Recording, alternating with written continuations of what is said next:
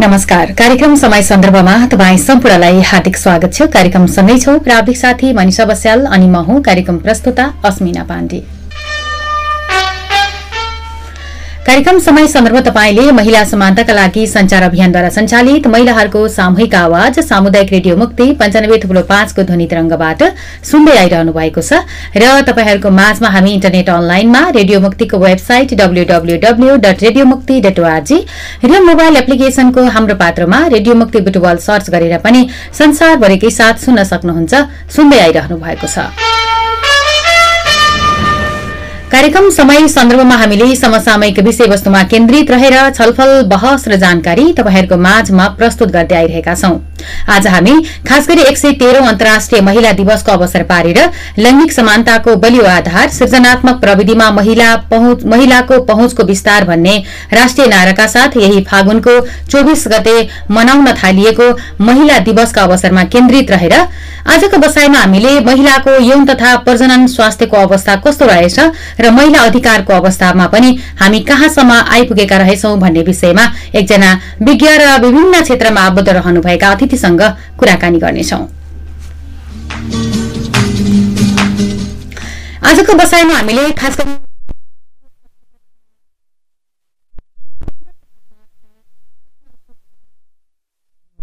Nurse Durga Sapkota. उहाँसँग हामीले कुराकानी गर्नेछौ।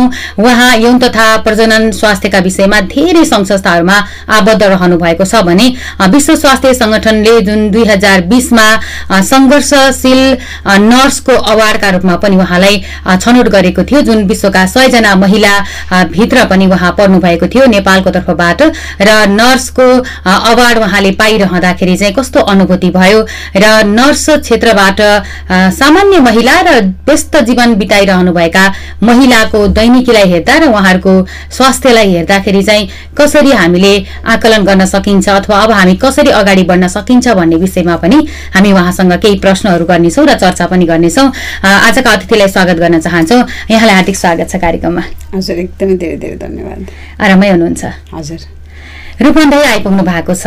खास के सिलसिलामा आइपुग्नु भयो हजुर अब यो अहिले हाम्रो वुमेन्स डे होइन पनि छ। अनि यसमा चाहिँ अलिकति भ्यालीभन्दा बाहिर बसेर पनि अब महिला स्वास्थ्यको महिला अधिकारको कुराहरू अलिकति गरौँ। अब के छ स्थानीय तहमा भन्ने हिसाबले त्यो त्यो छलफल चाहिँ काठमाडौँभन्दा बाहिर पनि केन्द्रित हुन जरुरी छ। भन्ने हिसाबले यसैमा छलफल गर्नको लागि चाहिँ कार्यक्रमहरू चाहिँ लिएर आएको छ। रूपन्दै आइपुग्नु भएको छ। सङ्गत नेपाल जुन संस्था छ यसको चाहिँ यहाँले नेसनल कोअर्डिनेटर नेपालभरिको एउटा संयोजन गरिरहनु भएको छ नेतृत्व गरिरहनु भएको छ। सङ्गत नेपालकै सुरुमा हाम्रो जुन श्रोताहरूलाई पनि जानकारी गराउँ यो संस्था चाहिँ कसरी स्थापना भयो यसको जन्म कसरी भयो? हजुर। हाम्रो चाहिँ कमला भासिन भन्ने हाम्रो एकजना फेमिनिस्ट होइन? उहाँले चाहिँ नाइन्टिन नाइन्टी एटमा नाइन्टिन एटी एटमा सुरुवात गर्नुभएको एउटा सञ्जाल हो।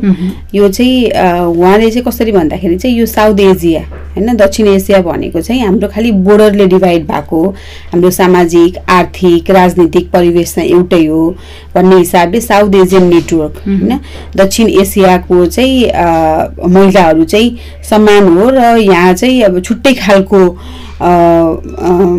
कार्यक्रम रणनीति योजनाहरू बनाउनुपर्छ। महिला अधिकारको लागि महिला उत्थानको लागि महिला सशक्तिकरणको लागि भनेर सुरुवात गरिएको एउटा अभियान हो भनौँ न।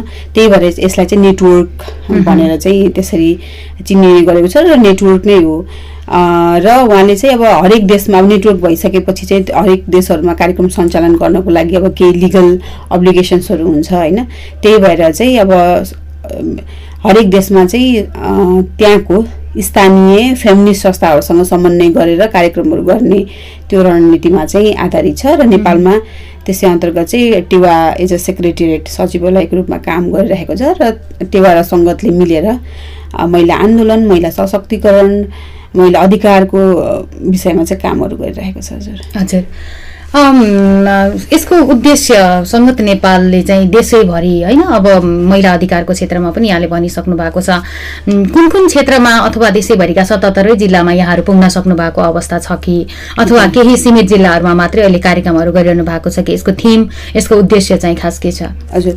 सङ्गत नेपालको उद्देश्य भनेको चाहिँ खासमा महिला आन्दोलनलाई चाहिँ सुदृढीकरण गर्ने भन्ने चाहिँ मेन हो। होइन त्यो सुदृढीकरण कसरी गर्ने त भन्दाखेरि चाहिँ एउटा चाहिँ महिलालाई प्रत्यक्ष प्रभाव पार्ने विभिन्न विषयहरू छन् होइन? महिला स्वास्थ्यदेखि लिएर महिला अधिकारदेखि लिएर अहिले क्लाइमेट चेन्जकै कुराहरू भइरहेको छ सिटिजनसिपको कुरादेखि लिएर तमाम विषयहरू छन् होइन? त्यो तमाम विषयमा चाहिँ महिलालाई कसरी होइन सजिलो बनाउन सकिन्छ?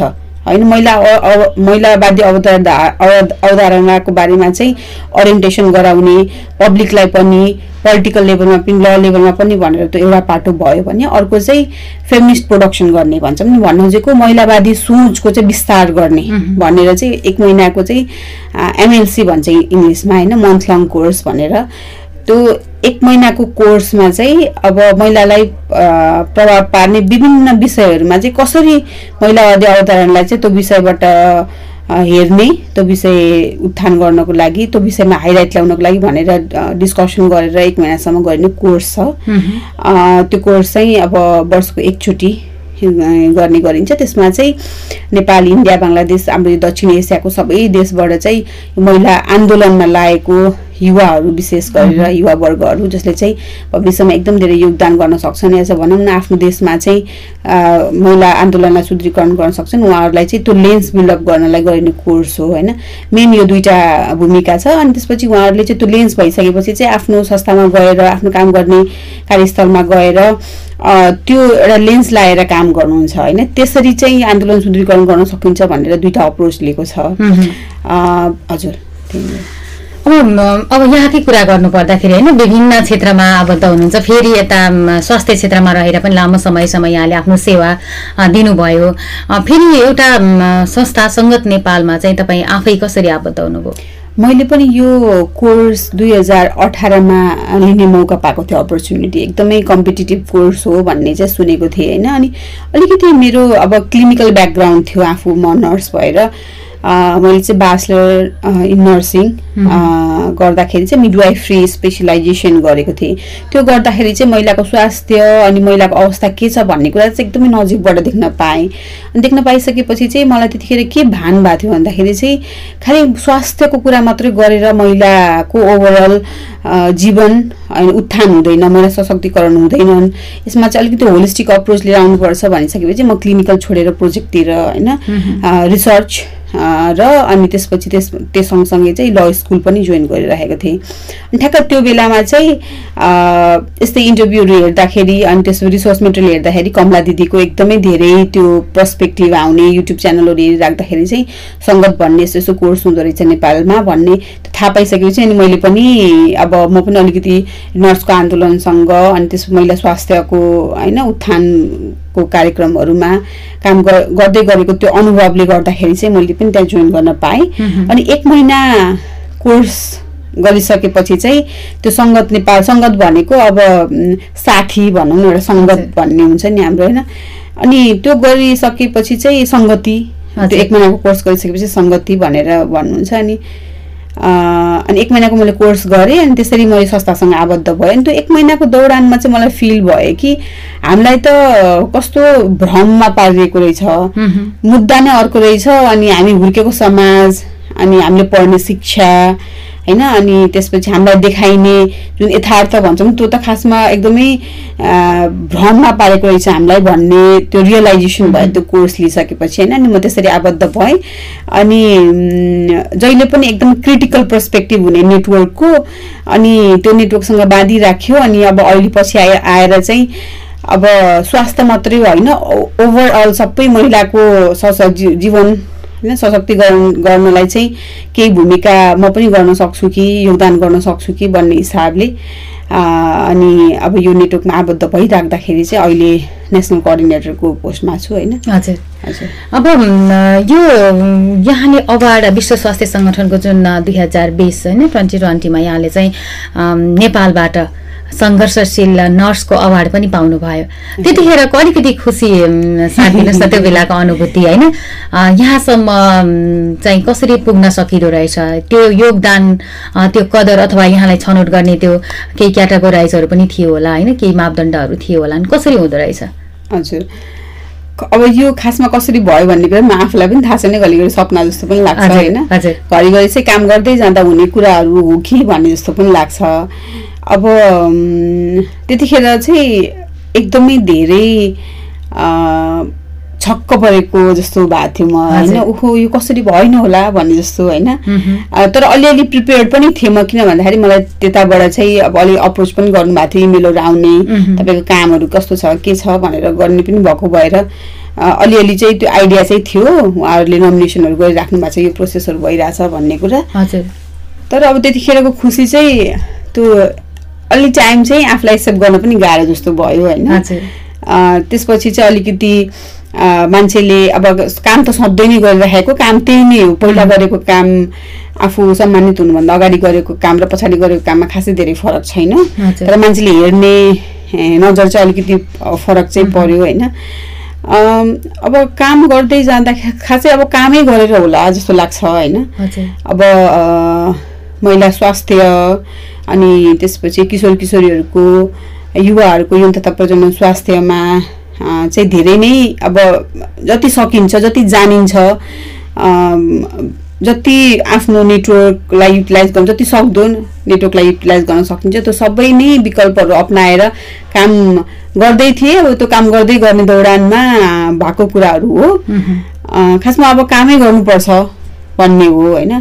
काम गरिसकेपछि चाहिँ त्यही कर्मको फल चाहिँ अवश्य पाइन्छ भन्ने जस्तो अब अब आश नगरी के अरे फल आश नगरी कर्म गऱ्यो भने चाहिँ के डेस्टिनेसनमा पुगिन्छ भने जस्तो होला। कामै गर्नुपर्छ जस्तो लाग्छ मलाई चाहिँ। हजुर। त्यसपछि हुन्छ नि एउटा परिवारले साथीभाइले यहाँलाई दिने त्यो शुभेच्छाहरू। त्यो खालको माहौलमा चाहिँ कतिको परिवर्तन आयो? तर अब म मेरो म जुन एउटा सञ्जाल भनौँ न अब मैले चाहिँ त्यतिखेर के पाएँ भन्दाखेरि म जुन परिवेशमा छु पारिवारिकदेखि लिएर जुन प्रोफेसनलमा छु उहाँ सबैजनाले नै अब एकदमै काम गर्ने भनेर नै चिन्नुहुन्थ्यो होइन? त्योभन्दा अगाडि पनि पर्सनल लेभलमा चाहिँ एकदम एप्रिसिएसनहरू पाउँथेँ होइन? अनि त्यसपछि चाहिँ अब कामै गरेर पाएको कुराहरू हो। भन्ने हिसाबले नै सबैसँगबाट त्यस्तो खालको रेस्पोन्सहरू त्यतिखेर पाएको थिएँ। धेरै चेन्ज चाहिँ भएन तर अब जुन अब आफ्नो सर्कलले पनि एउटा हुन्छ नि ए ल है तैँले काम गरेको कुरा चाहिँ देखियो। होइन अब अलिकति भिजिबिलिटी भयो भन्ने कुराहरूको त्यस्तो खालको रेस्पोन्सहरू चाहिँ पाएको थिएँ। एउटा एउटा एकदमै सपोर्टिभ खालको फ्यामिली सपोर्टिभ खालको त्यो प्रोफेसनल इन्भाइरोमेन्ट भएर नै अगाडि बढेको होला। एकदम फरक चाहिँ भएन तर त्यतिखेरको माहौलले चाहिँ रिफ्लेक्ट गर्दाखेरि चाहिँ अलिक फरक चाहिँ थियो। राम्रो अनुभूति। अझै गर्ने। गर्नुपर्छ मैले भन्ने खालको होइन। अनि त्यसपछि अलिकति रेस्पोन्सिबिलिटी थप्पे जस्तो। चाहिँ त्यो त्यो खालको महसुस चाहिँ भएको थियो हजुर। अब चाहिँ हामी अलिकति अब यहाँ चाहिँ स्वास्थ्य क्षेत्रमा पनि लाग्नु भएको र नर्स भनेर पनि हामीले नर्स दुर्गा सापकोटा भनेरै चिनिरहेका छौँ र त्यसै गरी चिन्नुहुन्छ पब्लिकले पनि आम यहाँलाई चिन्दाखेरि। यो रिसर्चको कामहरूमा यहाँ सङ्गत नेपाल मात्रै होइन यो बाहेकका पनि धेरै संस्थाहरूमा जुन आबद्ध रहनु भएको छ।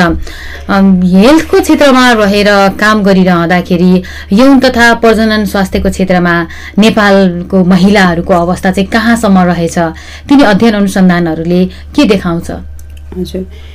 अब मेरो एकदम समग्रमा भन्नुपर्दाखेरि चाहिँ उठान गर्नुपर्ने विषयहरू चाहिँ धेरै छन् होइन। तर समग्रमा महिला स्वास्थ्यको कुरा जुन तथा प्रजनन स्वास्थ्यको कुरा अ, लाई एक वाक्यमा समराइज गर्नु पर्यो भने नेपालमा काम गर्न भर्खर सुरुवात भएको छ। काम चाहिँ केही पनि भएको छैन भन्छु म चाहिँ।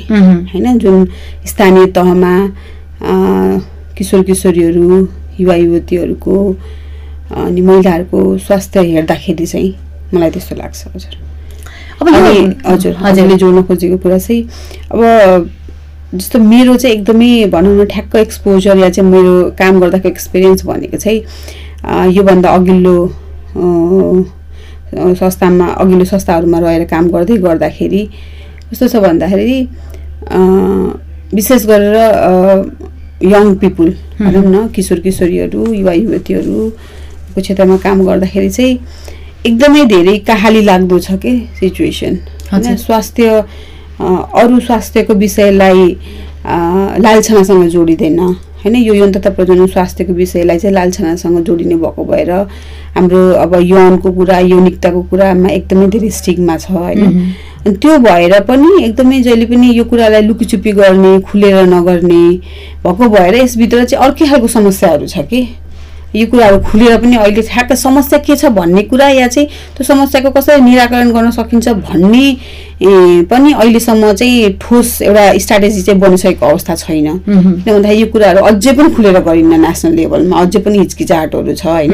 अझै पनि यौनको कुरा भनेको चाहिँ खालि बिहेसँग जोडेर बिहेपछि मात्र गरिने कुरा हो भन्ने अनि बिहे अगाडिका जति पनि यौनसँग आ- आएका समस्याहरू हुन्छन् त्यो बारेमा चर्चै भएको छैन होइन?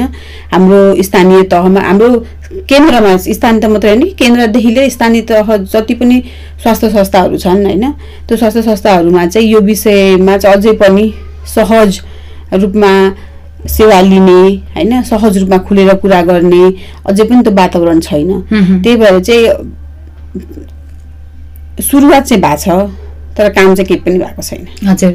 अब यो यौन तथा प्रजनन स्वास्थ्यको क्षेत्रमा चाहिँ महिलाहरू आफै अब भनिन्छ नि दीर्घकालीन रोगहरू त आफ्नो ठाउँमा छन्। त्यो त महिला पुरुष बालबालिका जसलाई पनि लाग्न सक्ने भए अब दीर्घकालीन रोगहरूको जुन फाइन्ड आउट गरेको छ डब्लुएचओले होइन तिनी रोगहरू आफ्नो ठाउँमा छन्। त्यस बाहेक पनि महिलाका छुट्टै शारीरिक समस्याहरू छन्। त्यही खालका संवेदनशील अङ्गहरू छन् होइन। अब स्तनकै कुरा गर्ने हो भने स्तन क्यान्सरको अहिले चाहिँ यति धेरै महिलाहरू यसबाट पीडित हुनुहुन्छ। पाठेघरको क्यान्सर पाठेघरको मुखको क्यान्सर अथवा यौनी नै हामीले चाहिँ कसरी सफा गर्ने यौनीको बारेमा हामीले कतिको ध्यान दिने। होइन मेन्सुरेसनमा चाहिँ हामीले आफ्नो यौनीलाई कसरी सफा राख्ने कस्तो खालको कपडाहरू प्रयोग गर्ने भन्ने विषयहरूमा त हामीले परिवारमा त अब आमा बुवा दाजुभाइसँग बसेर का कुरा गर्ने वातावरण त अझै पनि एकदमै शिक्षित परिवारमा पनि भइसकेको छैन। यहाँ एउटा नर्स अब यहाँहरू त सबै शरीरका अङ्गहरू खेलाएर त्यो खालको एउटा सेवा दिइरहनु भएको छ नि त होइन। त्यो अनुभव पनि छ अब हामी आफै महिलाले चाहिँ आफ्नो स्वास्थ्यको लागि कसरी जागरुक हुने त? यो चाहिँ कस्तो यो चाहिँ खासमा ठ्याक्क हामीले चाहिँ यसलाई एब्सोल्युट विषयको रूपमा हेर्छौँ। यो सब एक यो कुरा एकदम सबै रिलेटिभ हुन्छ कि। भन्न खोजेको चाहिँ मैले एउटा सूचना दिएँ भन्दैमा त्यो सूचनाको बारेमा भनौँ न महिला स्वास्थ्य या चाहिँ मैले यस्तो गर्नुपर्छ भनेर मैले यही कार्यक्रममा या चाहिँ कुनै पनि कार्यक्रममा गएर एक दिन सूचना दिँदैमा चाहिँ त्यो किशोरी या त्यो महिला चाहिँ सक्षम हुन्छन् आफ्नो स्वास्थ्यलाई होइन प्रबन्धन गर्न भन्ने छैन यो चाहिँ खासमा एउटा सर्कल हो भन्छु कि मैले। जस्तो हामीले चाहिँ सानैदेखि नै आफ्नो शरीरको विषयमा कुरा गर्नलाई सिकाइएको हुँदैन होइन? यो लाससँग जोडिएको विषय भनेर भनिन्छ खुलेर कुरा गरिँदैन भनिसकेपछि पछि चाहिँ मान्छेले एउटा सूचना दिँदैमा चाहिँ ऊ स्वास्थ्य आफ्नो चेकअप गर्न जान्छ या चाहिँ कन्सियस हुन्छ भन्ने होइन? अहिले पनि मैले हेर्छु इभन नर्सहरू नै होइन मेरो नर्स साथीहरू नै धेरैजनाले चाहिँ यो ब्रेस्ट सेल्फ एक्जामिनेसन गर्ने होइन? अनि त्यसपछि अब यो जति पनि हाम्रो भजनल स्क्रिनिङहरू गर्ने हुन्छ सर्वाइकल क्यान्सरको स्क्रिनिङ गर्ने उहाँहरूको अधिकांशले गरिराखेको हुनुहुँदैन। कि या चाहिँ अरू पनि स्वास्थ्यको विषय हुन्छ नि विशेष गरेर चाहिँ यो यौन तथा प्रजनन स्वास्थ्यको विषय चाहिँ अब जहिले पनि लाससँग शरमसँग अनि एकदमै प्राइभेट स्टेजमा मात्रै गरिने हो भन्ने भएको भएर चाहिँ त्यो एकदमै ल्याक देख्छु कि मैले? मैले जोड्न खोजेको कुरा यहाँ के त भन्दाखेरि चाहिँ कसरी जानुपर्छ भन्ने कुरा चाहिँ हामीले सानैदेखि नै इम्पावर गर्नुपर्छ कि? हामीले सानैदेखि नै गुड टच ब्याड टच भनेको के हो? होइन अब यो महिला स्वास्थ्यको कुरासँग महिला हिङ यो यौन हिंसाको कुराहरू पनि छ होइन? यो भनेको चाहिँ नर्मल हो यो भनेको एबनर्मल हो। अनि हाम्रो चाहिँ जस्तो प्युबर्टीको बेलामा होइन यौन अब त्यो अवस्थामा चाहिँ अलिकति शारीरिक परिवर्तनहरू आउँछ यो भनेको नर्मल हो। अनि त्यसपछि भनेर त्यो सानैदेखि हरेक जुन एज वाइज चेन्जेसहरू हुन्छ नि सेक्सुअल रिप्रोडक्टिभ हेल्थसँग त्यो कुरा चाहिँ सानैदेखि क्रमशः बिल्डन गर्दै गयो भने चाहिँ उसले चाहिँ ल है मलाई चाहिँ अब जस्तो टाउको दुख्दाखेरि चाहिँ हामीले टाउको दुख्यो भनेर कति सजिलै भन्छौँ होइन त्यति नै सेतो पानी अलि धेरै गनाउने पानी बग्यो भने त्यति नै धेरै भन्दैनौँ किनभने त्यो पछाडि स्टिकमा जोडिएको छ त्यही भएर यो भनेको चाहिँ आज तपाईँले सूचना दिँदैमा एक्कासी सबै कुरा चेन्ज हुनुपर्छ। चाहिँ तपाईँले ल गर्नु है भन्दैमा चेन्ज हुनु चेन्ज हुन्छ। भन्ने मलाई लाग्दैन होइन। यो चाहिँ एकदमै घरैदेखि सानैदेखि होइन? अब स्कुलमा पनि अब यो समावेश गरेर क्रमशः त्यो मान्छेलाई चाहिँ भनौँ न कसैलाई पनि किशोर किशोरी कोही पनि व्यक्तिलाई चाहिँ सिकाउनुपर्छ। भयो भने बल्ल दीर्घकालीन रूपमा या चाहिँ केही वर्षपछि त्यसमा अलिकति अवेर हुन्छन् भन्ने जस्तो लाग्छ मलाई होइन? र कतिवटा कुरा चाहिँ कन्टेक्स्ट वाइज पनि हुन्छ। हाम्रो कल्चर होइन? हामी हुर्केको समाजको कस्तो छ व्यवहार हाम्रो स्वास्थ्यलाई हेर्नु भन्ने कुरा। अनि फेरि अब हाम्रो देश त आफैमा पनि एकदमै धेरै मल्टिकल्चरल मल्टी होइन लिङ्ग्विस्टिक भएको कारणले गर्दाखेरि चाहिँ त्यो परिवेशलाई हेरेर एकदम लोकल त्यहाँको अवस्था कस्तो छ? महिलाको अवस्था किशोर किशोरीको अवस्था त्यसमा कल्चरले कसरी प्रभाव प्रभाव पारिरहेको छ रिलिजनले कसरी प्रभाव पारिरहेको छ भने एकदमै हलिक हलिस्टिक हिसाबले चाहिँ एकदम लोकल अप्रोच बनाउनुपर्छ। होइन मैले यस्तो गर्नुपर्छ यस्तो गर्नुपर्छ भनेर चाहिँ काम गर्छ जस्तो लाग्दैन। चाहिँ कसैले पनि त्यो भनेर काम गर्छ जस्तो लाग्दैन। एकदम कन्टेक्स्टलाइज अब अहिले स्थानीय त अब प्रदेश सरकार भइसक्यो होइन। एकदमै आफ्नो कन्टेक्स्ट बुझेर चाहिँ त्यो ग्याप आइडेन्टिफाई गरिसकेर मात्रै स्ट्राटेजी बनायो भने चाहिँ हामी त्यो ग्याप एड्रेस गर्न सक्छौँ भन्ने जस्तो लाग्छ हजुर। हजुर। अब सो परीक्षणको कुरा पनि यहाँले गर्नुभयो नि होइन। अब यो हामी अब स्तनकै कुरा गर्दाखेरि। स्तन क्यान्सरको विषयमा देखिने विभिन्न साना साना लक्षणहरू त्यो चाहिँ हामीले घरमै पनि आफैले आफ्नो शरीरलाई चाहिँ आफैले छामेर अथवा कुनै ढङ्गबाट पनि सो मूल्याङ्कन गर्न सक्छौँ सो परीक्षण गर्न सक्छौँ भनिन्छ। अलिकति यसको बारेमा टिप्स बताइदिनुहोस् न हजुर यो चाहिँ के छ भन्दाखेरि यो पनि ठ्याक्क त्यही अब सेल्फ केयरसँगको कुरा जोडियो होइन अब मेरो शरीर अब जस्तो समस्या परिसकेपछि मात्र जाने या चाहिँ समस्याको पनि अलिकति लेट स्टेज भन्छौँ। त्यो भइसकेपछि मात्र आफूलाई आफ्नो जीवनशैली त्यो त्यो त्यो समस्याले गर्दाखेरि आफ्नो जीवनशैलीमा असर गर्न थालिसकेपछि मात्र उपचार लिन जाने खालको त्यो देखिन्छ होइन? अब यसमा चाहिँ अब स्तन क्यान्सरको हजुरले जोड्नुभयो त्यो कुरा जोड्दाखेरि चाहिँ खासमा यो रेगुलरली होइन? रेगुलरली अब स्पेसल्ली चाहिँ अब तिस वर्ष कटिसकेपछि चाहिँ हामीले अझै रेगुलरली गर्न सक्यौँ भने चाहिँ अर्ली स्टेजमा नै आइडेन्टिफाई गर्न सकिन्छ। यो र यो चाहिँ अर्ली स्टेजमा आइडेन्टिफाई गर्दाखेरि हन्ड्रेड पर्सेन्ट क्युरेबल रोग भयो होइन? ब्रेस्ट क्यान्सर भनेको। अब अर्ली स्टेजमै गऱ्यो भने चाहिँ अब तपाईँको त्यहाँ चार पाँचवटा टेक्निक हुन्छ होइन? आजकल त युट्युबमा पनि सजिलै पाइन्छ। अनि अब महिनाको चाहिँ हरेक महिनाको चाहिँ एउटै दिन पारेर होइन? जस्तो भनौँ न महिनाको अब एक गते या चाहिँ अब कसैले चाहिँ ल है एका एकादशीको दिन। भन्ने खालको हुनसक्छ। कसैले चाहिँ अब प्राय चाहिँ बेस्ट डे भनेको चाहिँ अब मेन्सुरेसन रेगुलर छ भने चाहिँ तपाईँको महिनावारी भएको चार दिनको दिन पाँच दिनको दिन होइन? गर्दाखेरि चाहिँ अब त्यहाँ सानो सानो गाँठागुटीहरू छ भने ठ्याक्क पहिला नै थाहा हुन्छ कि अब सानो गाँठागुटी हुँदा भनेको त एकदम फर्स्ट स्टेज एकदम अर्ली स्टेज भयो होइन। त्यो बेलामा चाहिँ ट्रिटमेन्ट पायो भने चाहिँ एकदम सजिलो क्योर हुन्छ कि यो रोगहरू। होइन अब हामीले पनि धेरै उपचार गर्दाखेरिको त्यो प्रोसेसमा देखेको कुराहरू र अब कतिजना आफन्तहरूलाई पनि भएको छ कि? त्यो अर्ली स्टेजमा चाहिँ यति कम्प्लिटली क्योर हुन्छ कि? एकदमै राम्रो छ सक्सेस रेट पनि प्रोग्नोसिसहरू त्यो त्यो भन्न चाहिँ सानो कुरा हो। कत्रो ठुलो इम्प्याक्ट छ कि? हजुर। अब अहिले नेपालमा हेर्दाखेरि चाहिँ त्यो सो परीक्षण गर्ने अभ्यास छ नि जुन। हुन त अब अहिले डिजिटलको जमाना छ कति धेरैले त अब यौन तथा प्रजननको कुराहरू त्यस पछाडि चाहिँ विशेष गरेर यो यौनको विषयलाई चाहिँ लुकी छिपी अलिकति धेरै हेर्ने धेरै भ्युजहरू जाने होइन? त्यो खालको गर्ने देखे तर आफ्नो शरीरकै स्वास्थ्यसँग रिलेटेड लगेर कति मानिसले चाहिँ यौनको विषयमा चाहिँ अध्ययन गरिरहेका छन् होला भन्ने त एक्ज्याक्ट तथ्याङ्क पनि हाम्रो नेपालमै पाउन सकिँदैन होला है। यो अलिकति कठिन विषय पनि छ डिजिटलको हिसाबले हेर्दाखेरि। यसलाई चाहिँ सो परीक्षणमा महिलाहरू चाहिँ कतिको जागरुक छन् कतिको? अब कस्तो छ भन्दाखेरि मैले देखेको अनुभवमा चाहिँ अब तपाईँले भनेको ठ्याक्कै डेटा छैन होइन। मेरो कामको एक्सपिरियन्सको मेरो गर्दाखेरि चाहिँ जस्तो स्वास्थ्य कर्मीले नै गर्नुहुन्न कि। हजुर। होइन? स्वास्थ्य कर्मीहरूले कस्तो हुन्छ भन्दाखेरि आफूलाई नपरेसम्म चाहिँ यो मलाई हुँदैन। यो मलाई लाग्दैन अरूलाई लाग्ने रोग हो। भन्ने खालको त्यो एउटा खालको मेन्टालिटी देख्छु मैले। अनि अर्को भनेको चाहिँ आफ्नो घरमा भएको छ। आफ्नो घरमा कसैलाई भयो होइन? दिदी भाउजू कसैलाई भयो भने चाहिँ अनि बल्ल अलिकति त्यसपछिको जेनेरेसन चाहिँ अलिकति तर्सेर ल है। अब एउटा प्रोसेसमा जान्छ नि त त्यो आफ्नो घरको परिवारलाई भइसकेपछि त अब त्यो क्यान्सरको स्क्रिनिङ गर्नदेखि लिएर ट्रिटमेन्टदेखि लिएर अनि त्यो टर्चर सबै देखेको हुन्छ अनि अलिकति डर जस्तो हुन्छ। र त्यो त्यो त्यो खालको फ्यामिलीमा चाहिँ अलिकति अभ्यास देखिन्छ। नत्र भने अब आज सिकायो मैले चाहिँ ठ्याक्कै यसैमा नै रिसर्च गरेको थिएँ ब्याचलरमा। अब आज सिकायो अनि त्यसपछि त्यो त्यो स्टेपहरू अब पाँचवटा स्टेप हुन्छ होइन। अनि पाँचवटा स्टेप सिकायो अनि सिकाइसकेपछि चाहिँ अब एक दुई दिन एक दुईचोटि गर्नुहुन्छ अनि त्यसपछि चाहिँ ए अब बिर्स्यो कि। हजुर। त्यही भएर चाहिँ अभ्यास चाहिँ मैले देख्दिनँ।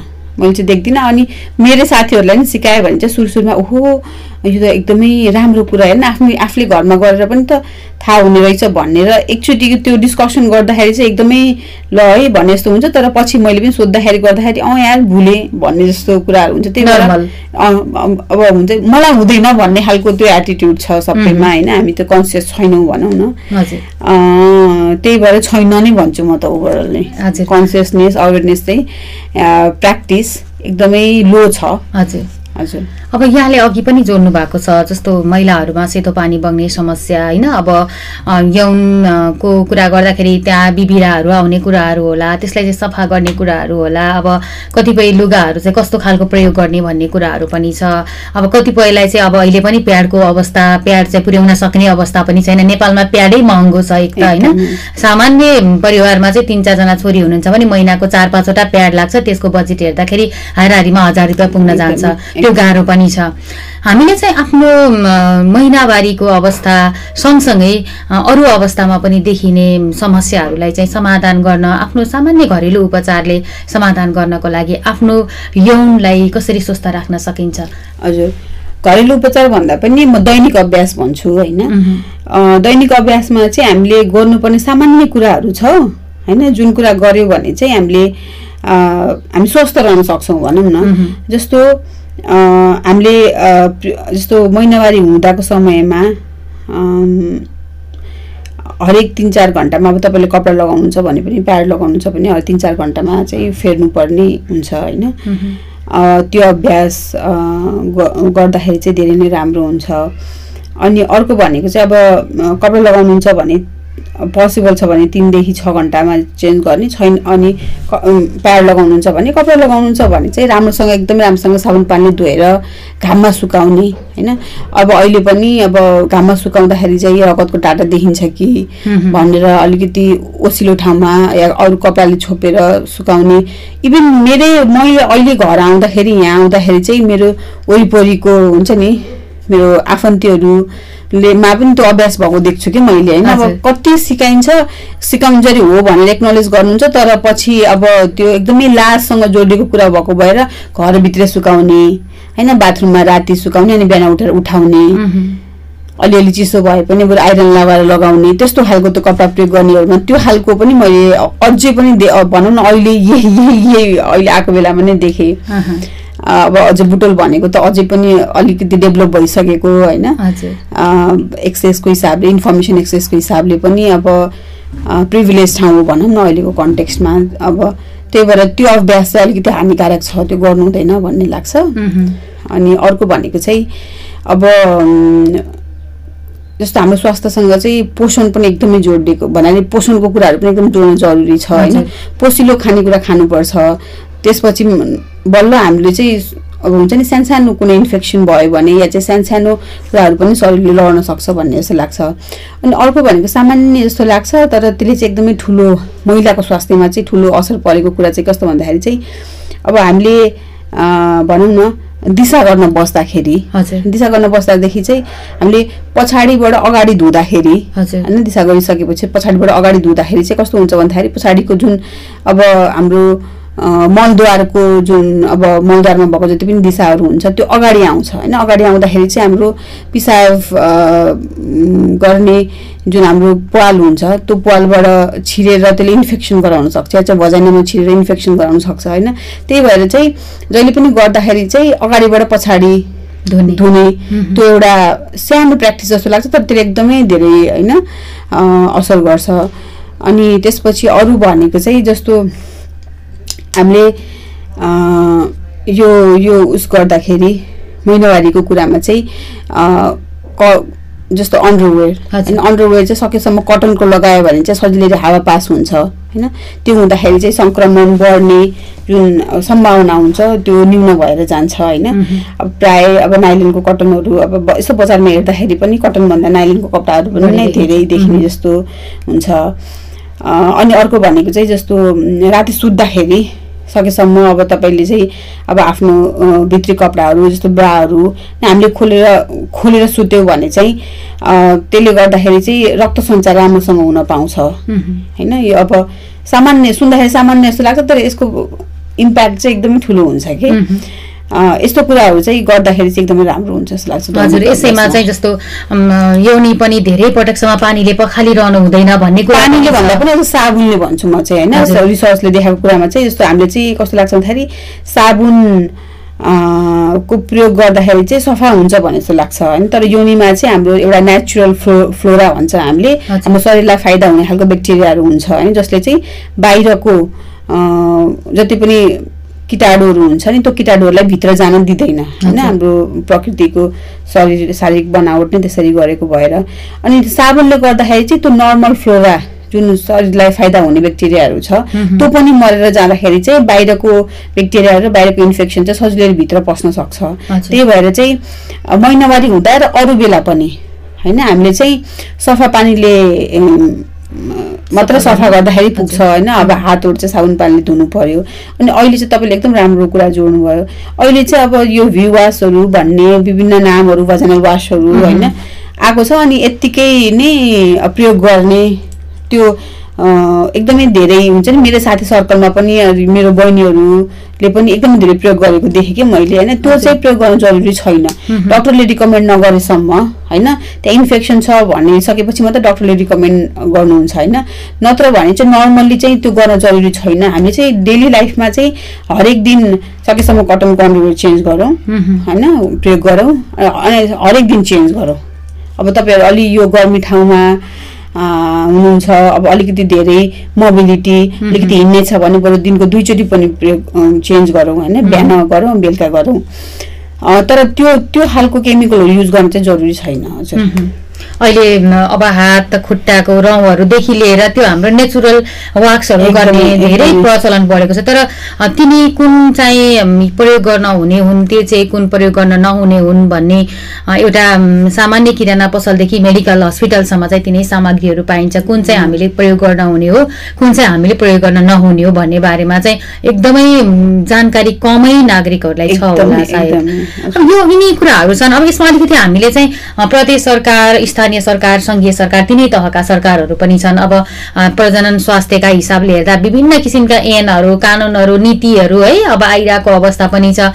महिलाको स्वास्थ्यलाई चाहिँ विशेष ध्यानमा राखेर काम गर्छु भने नेताहरूले भाषण गरिरहनु भएको पनि छ होइन? एकदम। जवाबदेहिताका हिसाबले तपाईँ एउटा स्वास्थ्यलाई चाहिँ हामीले सबल बनाउनु पर्छ हामी स्वस्थ रहन सक्यौँ भने मात्रै जीवन छ भन्ने अभियानमा लागिरहनु भएको छ नि त होइन? एउटा अभियानकर्ताको रूपमा एउटा राज्यले गर्नुपर्ने काम एउटा व्यक्तिले हामी पनि गर्नुपर्छ। है? हामी राज्यलाई सपोर्ट गर्नुपर्छ है? राज्यले मात्रै पुग्दैन त्यो ठाउँमा भन्ने हिसाबले नै लाग्नु भएको हो नि होइन? त्यो अभियानकर्ताको सुझावको रूपमा चाहिँ यहाँले के भन्नुहुन्छ? अब यो चाहिँ सिकाइ पनि होला होइन? सिक्दै सिकाउँदै भन्छु म चाहिँ। अब एकदमै विज्ञ भनेर सबै कुरा जानेर क्षेत्रमा लाग्नुभन्दा पनि आफूले सिकेको कुरा चाहिँ सिकाउनुपर्छ भन्ने। त्यो क्रममा छु।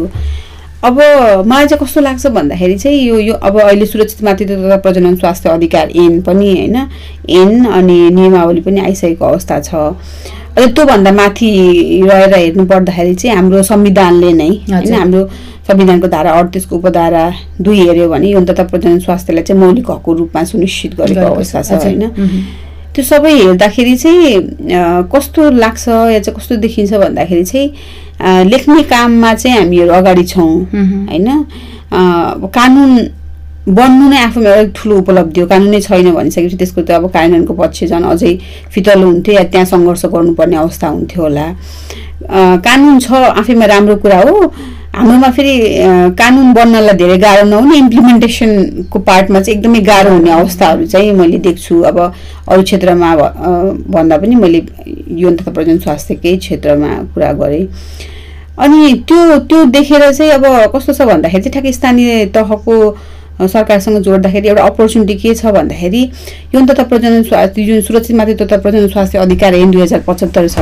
त्यसमा चाहिँ एउटा के व्यवस्था छ भन्दाखेरि चाहिँ स्थानीय तहले स्वास्थ्य क्षेत्रमा बजेट छुट्याइराख्दाखेरि चाहिँ यौन तथा प्रजनन स्वास्थ्यमा पनि अलग्गै बज बजेट छुट्याउनुपर्छ भन्ने एउटा हाम्रो प्रावधान छ कि। त्यो किन गराएको त भन्दाखेरि चाहिँ अघि हामीले जुन तमाम यो विषयहरू गफ गऱ्यौँ नि लालछनाको कुरा लज्जाको कुरा सानो कुराले गर्दा ठुलो समस्या आएको कुराहरू अनि अब महिलाहरू चाहिँ अब ग- गर्भ अवस्थामा बचाउन सकिने अवस्थामा पनि सामान्य उपचार नपाएर पनि बचाउन सकिने अवस्थामा पनि मरिरहेको अवस्था छैन। यो सबै समस्याको समाधान गर्नको लागि त त्यो बजेट विनियोजन गरेको छ कि? होइन हामीले त्यही भएर चाहिँ स्थानीय तहमा पनि बजेट छुट्टै राख्दाखेरि स्वास्थ्यमा बजेट छुट्याउँदाखेरि स्वास्थ्यभित्र पनि यो बजेट छुट्याउनु पर्छ र त्यसैमा काम गरिनुपर्छ भन्ने चाहिँ जनचेतना चाहिँ हामी सबैमा हुनुपर्छ जनप्रतिनिधिमा पनि र जनतामा पनि। होइन त्यो भयो भने बल्ल त्यो ब्यालेन्स हुन्छ नि एकअर्कालाई अब चेक एन्ड ब्यालेन्स गर्न सजिलो हुन्छ भन्ने जस्तो लाग्छ। अनि अर्को चाहिँ मेरो चाहिँ अर्को भनेको चाहिँ जस्तो अहिले पनि हेर्दाखेरि चाहिँ कति कतिवटा स्थानीय सरकारले चाहिँ जस्तो जस्तो राम्रो कामहरू पनि गरिराख्नु भएको छ होइन। यही यही यही यही उसलाई जोडेर यो बजेट अ, यौन तथा प्रजनन स्वास्थ्यको बजेट विनियोजनको कुरा जोडेर जस्तो गर्भवती महिलालाई चाहिँ अब हरेक महिना एक क्यारेट अन्डा दिने हजुर। महानगरमै सुरु छ। हजुर सुत्केरी हजुर। बेट हो सुत्केरी बेट भनेर गर्ने। अब यो चाहिँ खासमा सुरुवात हो। गर्नुपर्ने त्यहाँभित्र तमाम होइन कुराहरू छ तर सुरु एटलिस्ट सुरुवात भयो होइन? यो चाहिँ हामीले चाहिँ सबै ठाउँमा गर्न सक्यौँ भने एटलिस्ट बच्चा जस्तो पोषणको कुरा गरौँ न। अब आमा स्वस्थ भयो मात्रै बच्चा स्वस्थ हुन्छ होइन? आमै स्वस्थ छैन भने चाहिँ त्यो बच्चा स्वस्थ हुनै सक्दैन। अब स्वस्थ बच्चा नभइसकेपछि चाहिँ अब सबै कुरा होइन? परिवार समाज देश स्वस्थ हुनै सक्दैन होइन? हामीले अब अनि त्यो त्यसको रिटर्न चाहिँ कस्तो हुन्छ भन्दाखेरि त्यसको हेल्थ हामीले अहिले गरेको हेल्थको इन्भेस्टमेन्टमा गरेको रिटर्न चाहिँ एकदमै ठुलो हुन्छ कि खासमा चाहिँ। जस्तो बाहिरतिर हेर्दाखेरि त एकदम रिसर्चहरू भएको हुन्छ। प्रेग्नेन्सीमा चाहिँ हामीले एक डलर इन्भेस्ट गरेको छौँ भने महिलाको स्वास्थ्यमा त्यसले चाहिँ भविष्यमा चाहिँ थ्री टाइम्स दिन्छ। भन्ने भन्ने हिसाबले हुन्छ कि। त्यो पनि हामीले चाहिँ एकदमै बुझ्न चाहिँ जरुरी छ। अनि अर्को चाहिँ अब यो यो उस भएर काम गरिराख्दाखेरि चाहिँ हामीले स्वास्थ्यलाई मात्रै प्रायोरिटाइज गरेर होइन अगाडि बढ बढ्न चाहिँ सकिँदैन। जस्तो मैले भन्न खोजेको कुरा चाहिँ हामीले स्वास्थ्यको विषयलाई महिला स्वास्थ्यको यौन तथा प्रजनन स्वास्थ्यको विषयलाई अधिकार र चाहिँ डेटासँग पनि जोड्न एकदमै जरुरी छ होइन। अब अहिलेको महिला दिवसको थिम पनि होइन हाम्रो इनोभेसन टेक्नोलोजीसँग छ। कस्तो भन्दाखेरि चाहिँ काम मात्रै गर्दाखेरि पनि त्यो कति छ डेटा कसरी गइरहेछ हामी कुन दिशामा गइरहेको छौँ या चाहिँ हामीले टेक्नोलोजी युज गरेर नै हामीले कसरी उत्थान गर्न सक्छौँ यौन तथा प्रजनन स्वास्थ्य समग्रमा भन्ने कुराहरू चाहिँ त्यो एउटा होलिस्टिक अप्रोच हुन चाहिँ जरुरी छ होइन? त्यही भएर चाहिँ सबै निकायसँग समन्वय गरेर अगाडि बढ्नु चाहिँ पर्छ भन्ने लाग्छ कि? मलाई एकदमै अहिले मैले स्वास्थ्यको मात्रै कुरा गर्ने अर्कोले अधिकारको मात्रै कुरा गर्ने अर्कोले डेटाको मात्रै या पब्लिक हेल्थ अप्रोचको मात्रै कुरा गर्ने गरेर हुँदैन। एकदमै इन्ट्रिकेटेड अप्रोच भएर चाहिँ हामी गयौँ भने बल्ल त्यसले काम गर्छ भन्ने चाहिँ लाग्छ हजुर। अवश्य पनि। अब हामी चाहिँ कार्यक्रमको अन्त्य अन्त्यतर्फ पनि आइपुगेका छौँ। अन्त्यमा मिडियाले नै अब विभिन्न विषयहरू चाहिँ हामीले उठाइरहेका हुन्छौँ होइन? अब महिलाकै शिक्षा स्वास्थ्य अब महिला पुरुष बालबालिका वृद्ध वृद्ध सबै समग्रमा उठाइरहेका हुन्छौँ। तर पनि महिला स्वास्थ्यको विषयमा चाहिँ आम मिडिया आम मिडियाको रोल कस्तो हुनुपर्छ? मिडियाले स्वास्थ्य क्षेत्रलाई कतिको प्राथमिकतामा पारेको छ? स्वास्थ्य क्षेत्रभित्र पनि महिलाको स्वास्थ्यलाई चाहिँ कतिको प्राथमिकतामा पारेर समाचारहरू आउने गरेका छन् अथवा फिचरहरू आउने गरेका छन्? यहाँहरूले पत्र पत्रिका हेर्दाखेरि रेडियो सुन्दाखेरि अनलाइनमा हेर्दाखेरि पनि महिलाको स्वास्थ्यलाई कुन रूपमा चित्रण गरिएको छ? अथवा मिडियाले चाहिँ कसरी सहयोग गर्नुपर्छ? कसरी कस्ता विषय उठान गर्नुपर्ला? हजुर। खासमा म अहिले लिएर आएको कार्यक्रम पनि यही नै हो होइन? हामीले चाहिँ अलिकति मिडियामा हेर्दाखेरि चाहिँ अलिकति मिसरिप्रेजेन्टेसन अब वुमेन्स इस्युज। होइन? Misrepresentation of women's health related इस्युजहरू भइरहेछ कि भन्ने चाहिँ लाग्छ होइन?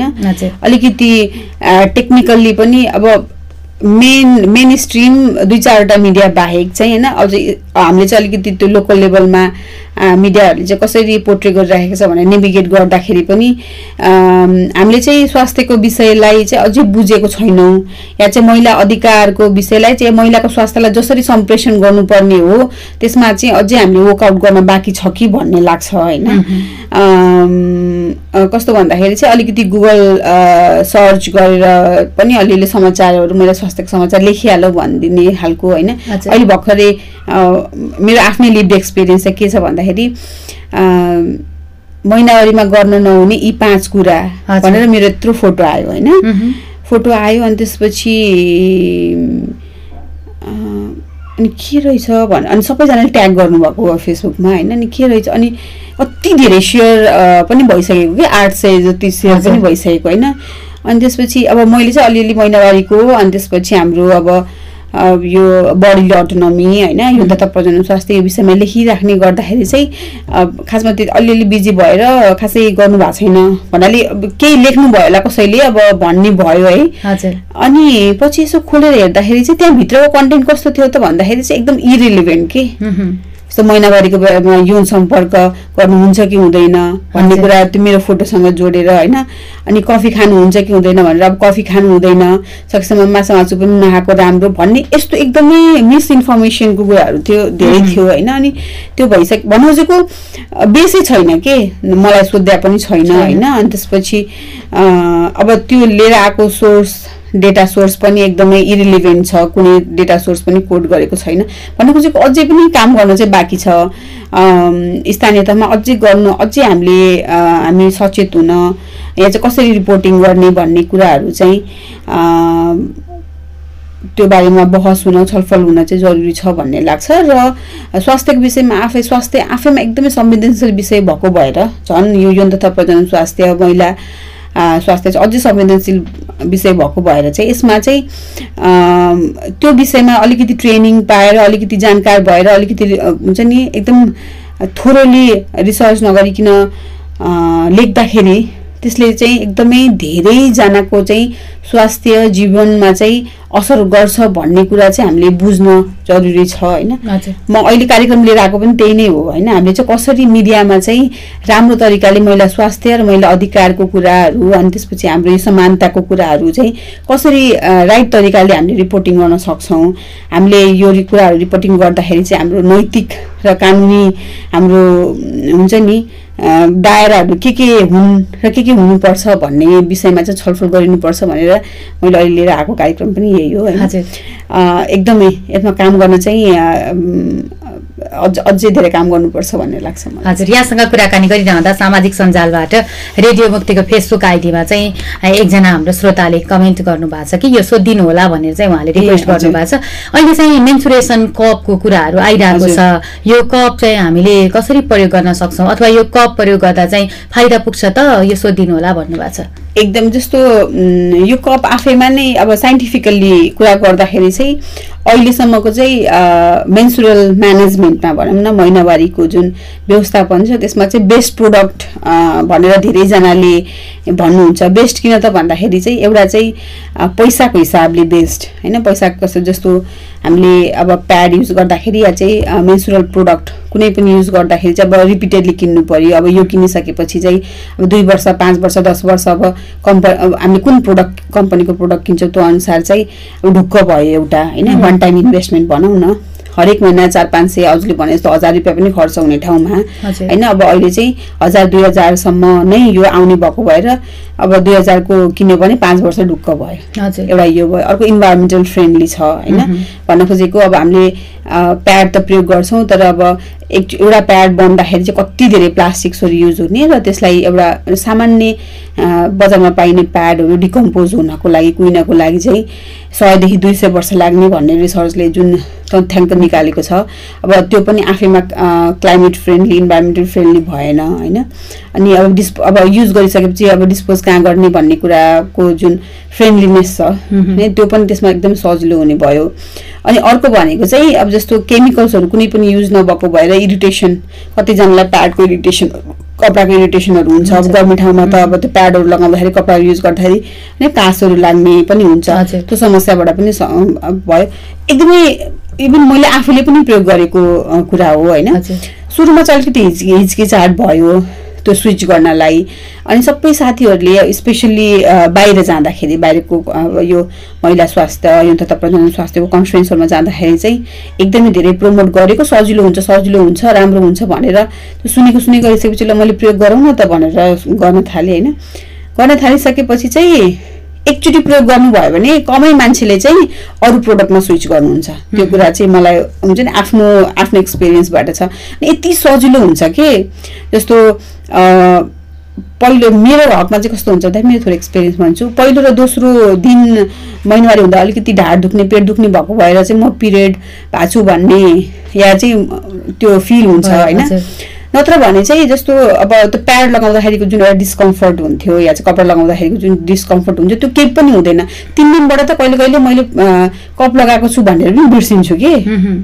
त्यति सजिलो हुन्छ कि जिन्दगी हुन्छ नि डेली लाइफ। म्यानेजमेन्ट गर्न झन् वर्किङ हामी जस्तो वर्किङ प्रोफेसनल्सहरूलाई त झन् नै सजिलो जो फिल्डमा हिँडिरहेको छ होइन अब हामीलाई थाहै छ हाम्रो टोयलेटहरू पब्लिक हजुर। टोयलेटहरू कस्तो हुन्छ होइन त्यो हिसाबले नि एकदमै राम्रो छ र स्वास्थ्यको हिसाबले पनि अब सिलिकन अ, बाट बनेको प्रोडक्ट हो हाम्रो शरीरमा चाहिँ अलिकति सुरुमा त्यो प्रयोग कसरी गर्ने भन्ने कुरा र आफूले त्यो त्यो पनि स्किलको कुरा हो ठ्याक्क आफ्नो। शरीरलाई बुझ्ने होइन ठ्याक्क हाल्ने हो। त्यो एक दुईचोटि सिकिसकेपछि चाहिँ प्रयोग गर्न पनि खासै अप्ठ्यारो हुँदैन होइन? र स्वास्थ्यको हिसाबले चाहिँ अहिलेसम्म अहिलेसम्म चाहिँ केही पनि त्यस्तो साइड इफेक्ट्स त्यसले प्रयोग गरेर साइड इफेक्ट हुने भन्ने केही पनि छैन। त्यही भएर राम्रो विषय सोध्नु भएछ जसले सोध्नु भयो यो कुरालाई चाहिँ म आफू व्यक्तिगत रूप- रूपमा पनि होइन एकदमै प्रमोट गरिरहेको कुरा हो। सबैलाई सजिलो हुन्छ इन्भाइरोमेन्ट फ्रेन्डली पनि छ कस्ट इफेक्टिभ छ भनेर। त्यही भएर एकदमै राम्रो हुन्छ सकेसम्म प्रयोग गर्नु होला जसले सक्नुहुन्छ। हजुर। भनेर नै भन्न चाहन्छु म पनि। हस्। यहाँ चाहिँ लामो समयदेखि यो क्षेत्रमा रहनु भएको छ। अब धेरै कुराहरू छ हामीले गर्नुपर्ने। अब महिला स्वास्थ्यको कुरा गऱ्यौँ यौन स्वास्थ्यको कुरा गऱ्यौँ भने अब दिन रात पनि हाम्रो सकिँदैन है। एक किसिमले गर्दाखेरि धेरै छ। भास्ट पनि छ काम गर्नुपर्ने पनि धेरै छ। र त्यो विषयमा चाहिँ हामी अझै संवेदनशील हाम्रो परिवार समाज राज्य पनि संवेदनशील भइसकेको अवस्था छैन होइन। यसलाई अब हामीले निरन्तर रूपमा चाहिँ अब एक किसिमले नागरिकको हिसाबले दबाब दिँदै पनि जानेछौँ राज्यलाई। त्यसमा चाहिँ तपाईँ हाम्रो सहकारी अवश्य रहनेछ। यहाँ एकदमै व्यस्त हुनुहुन्थ्यो। अब आफू पनि एउटा आफ्नो स्वास्थ्यलाई ख्याल गर्नुपर्ने अवस्थामा हुनुहुन्छ र पनि आफूले चाहिँ नागरिकलाई सचेतना दिनुपर्छ स्वास्थ्यप्रति चाहिँ संवेदनशील हुनुपर्छ भन्ने अभियानमा हुनुहुन्छ। आफ्नो समय र संवादको लागि यो जानकारीको लागि चाहिँ हामी सबैको तर्फबाट मेरो तर्फबाट धेरै धन्यवाद अनि आभार छ। हजुर हजुरहरूलाई एकदमै धन्यवाद। एकदम छोटो टाइममा अरेन्ज गरिदिनु भयो होइन? मैले जानेको कुरा यति सर्ट टाइममा सबै अरेन्जमेन्ट गरेर मैले सक्ने कुरामा चाहिँ तपाईँहरूले परिवेश मिलाउनु भएकोमा र यो अपर्च्युनिटीको लागि हजुरलाई पनि धेरै धेरै धन्यवाद। म। धेरै श्रोतासँग जोडिन सकेँ भन्ने मलाई विश्वास छ। हस्। हजुर हस्। अवश्य पनि आजको बसाइमा हामीसँग हुनुहुन्थ्यो सङ्गत नेपालका national coordinator nurse Durga Sapkota. हामी उहाँसँग रहेर यौन तथा प्रजनन स्वास्थ्यमा महिलाहरूको अवस्था कस्तो छ भनेर पनि कुरा गरेका छौँ। र उहाँ चाहिँ विश्व स्वास्थ्य सङ्गठन दुई हजार जुन डब्लुएचओले देशैभरि र विश्वभरि विश्वभरिका सयजना महिलाहरू मध्येको नेपालमा सङ्घर्षशील नर्सको अवार्ड पनि उहाँले प्राप्त गर्नुभएको थियो। यो तपाईँ हामी सबैका लागि चाहिँ कर्म गर्यौँ भने चाहिँ फल हामीले पाउन सक्दा रहेछौँ भन्ने अन्य नर्सहरूको पनि प्रेरणाको स्रोत र अन्य सङ्घर्षशील महिलाहरूका लागि पनि हामीले चाहिँ निरन्तर कर्म गर्नुपर्छ र फल अवश्य पनि एक दिन पाइनेछ भन्ने एउटा उदाहरणीय पात्र पनि हुनुहुन्छ। हामी रेडियो मुक्तिको तर्फबाट हामी उहाँलाई धेरै धन्यवाद पनि दिन चाहन्छौँ का ताकि हामी महिलाका विषयमा धेरै कुराहरू बहसहरू छलफलहरू गर्ने गर्छौँ। हामी आम नागरिकका विषयमा त छँदैछौँ महिलाका विषयलाई हामीले अलिकति बढी प्राथमिकतामा पारेर छलफल बहस गरिरहेका हुन्छौँ। हाम्रा श्रोताहरूलाई पनि थाहा नै छ। आजको यो विशेष कुराकानी विशेष छलफल हामीले एक सय तेह्र अन्तर्राष्ट्रिय महिला दिवसको अवसरमा चाहिँ गरेका हौँ। यहाँहरू सबैलाई यो महिला दिवसको अवसरमा आफ्नो स्वास्थ्य संवेदनशीलता सँगसँगै आफ्नो अधिकार के हो हाम्रो अधिकार चाहिँ कहाँनिर आइपुगेको छ अथवा हामी आफैले पनि आफ्नो अधिकार कसरी लिने हो त भन्ने विषयमा तपाईँ हामी आफै पनि जागरुक हुन जरुरी छ भन्ने पनि आजको कार्यक्रमको मुख्य उद्देश्य र मुख्य छलफल पनि रहेको थियो। थियो। तपाईँ सम्पूर्णलाई धेरै धेरै धन्यवाद। आजको कार्यक्रम सुनेर साथ दिनुभएकोमा र आजका अतिथिलाई पनि धेरै धन्यवाद दिँदै प्राविधिक साथी मनिषा बस्याल र म कार्यक्रम प्रस्तुत अस्मिना पाण्डेलाई एकैसाथ बिदा दिनुहोस्। नमस्कार शुभ दिन।